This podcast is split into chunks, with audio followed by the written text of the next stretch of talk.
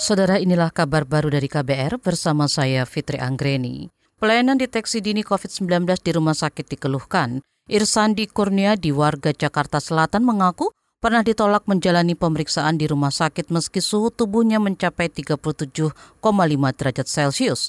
Irsandi mengetahui suhu tubuhnya naik ketika menjalani tes menggunakan pengukur suhu tubuh di kantornya.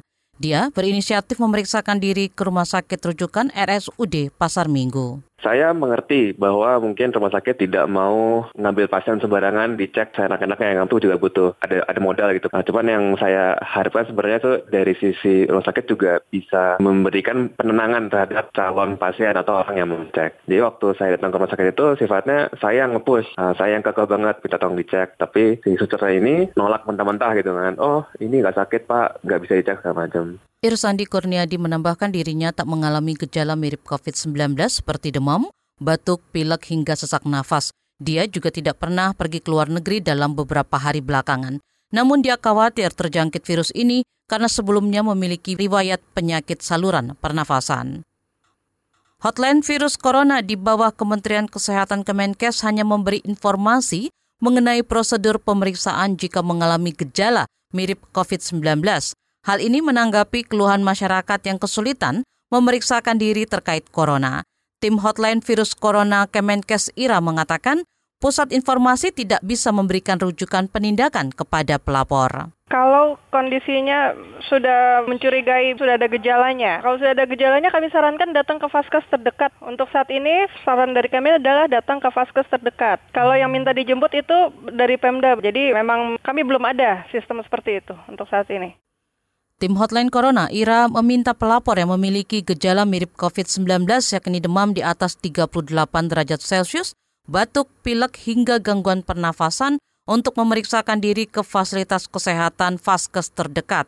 Nantinya, petugas medis dari Vaskes lah yang berhak menentukan apakah pasien bisa dites corona ataukah tidak. Barcelona memiliki peluang meraih gelar juara dengan cepat jika virus corona benar-benar menghentikan kompetisi sepak bola Liga Spanyol. Penyebaran virus corona membuat La Liga dihentikan sementara. Ada kemungkinan kompetisi bakal tak berlanjut dan Presiden Federasi Sepak Bola Spanyol, Luis Rubiales mengonfirmasi empat skenario yang bakal terjadi. Adapun skenario itu adalah melanjutkan liga, liga berakhir tanpa juara, mengakhiri kompetisi sesuai pekan terakhir, serta mengambil juara dari hasil di musim pertama. Pemerintah mengeluarkan paket stimulus ekonomi kedua untuk menangani dampak COVID-19, salah satunya melalui skema pembebasan pajak untuk karyawan sebesar 100 persen. Penanggungan pajak karyawan ini dilakukan dari bulan April hingga September 2020.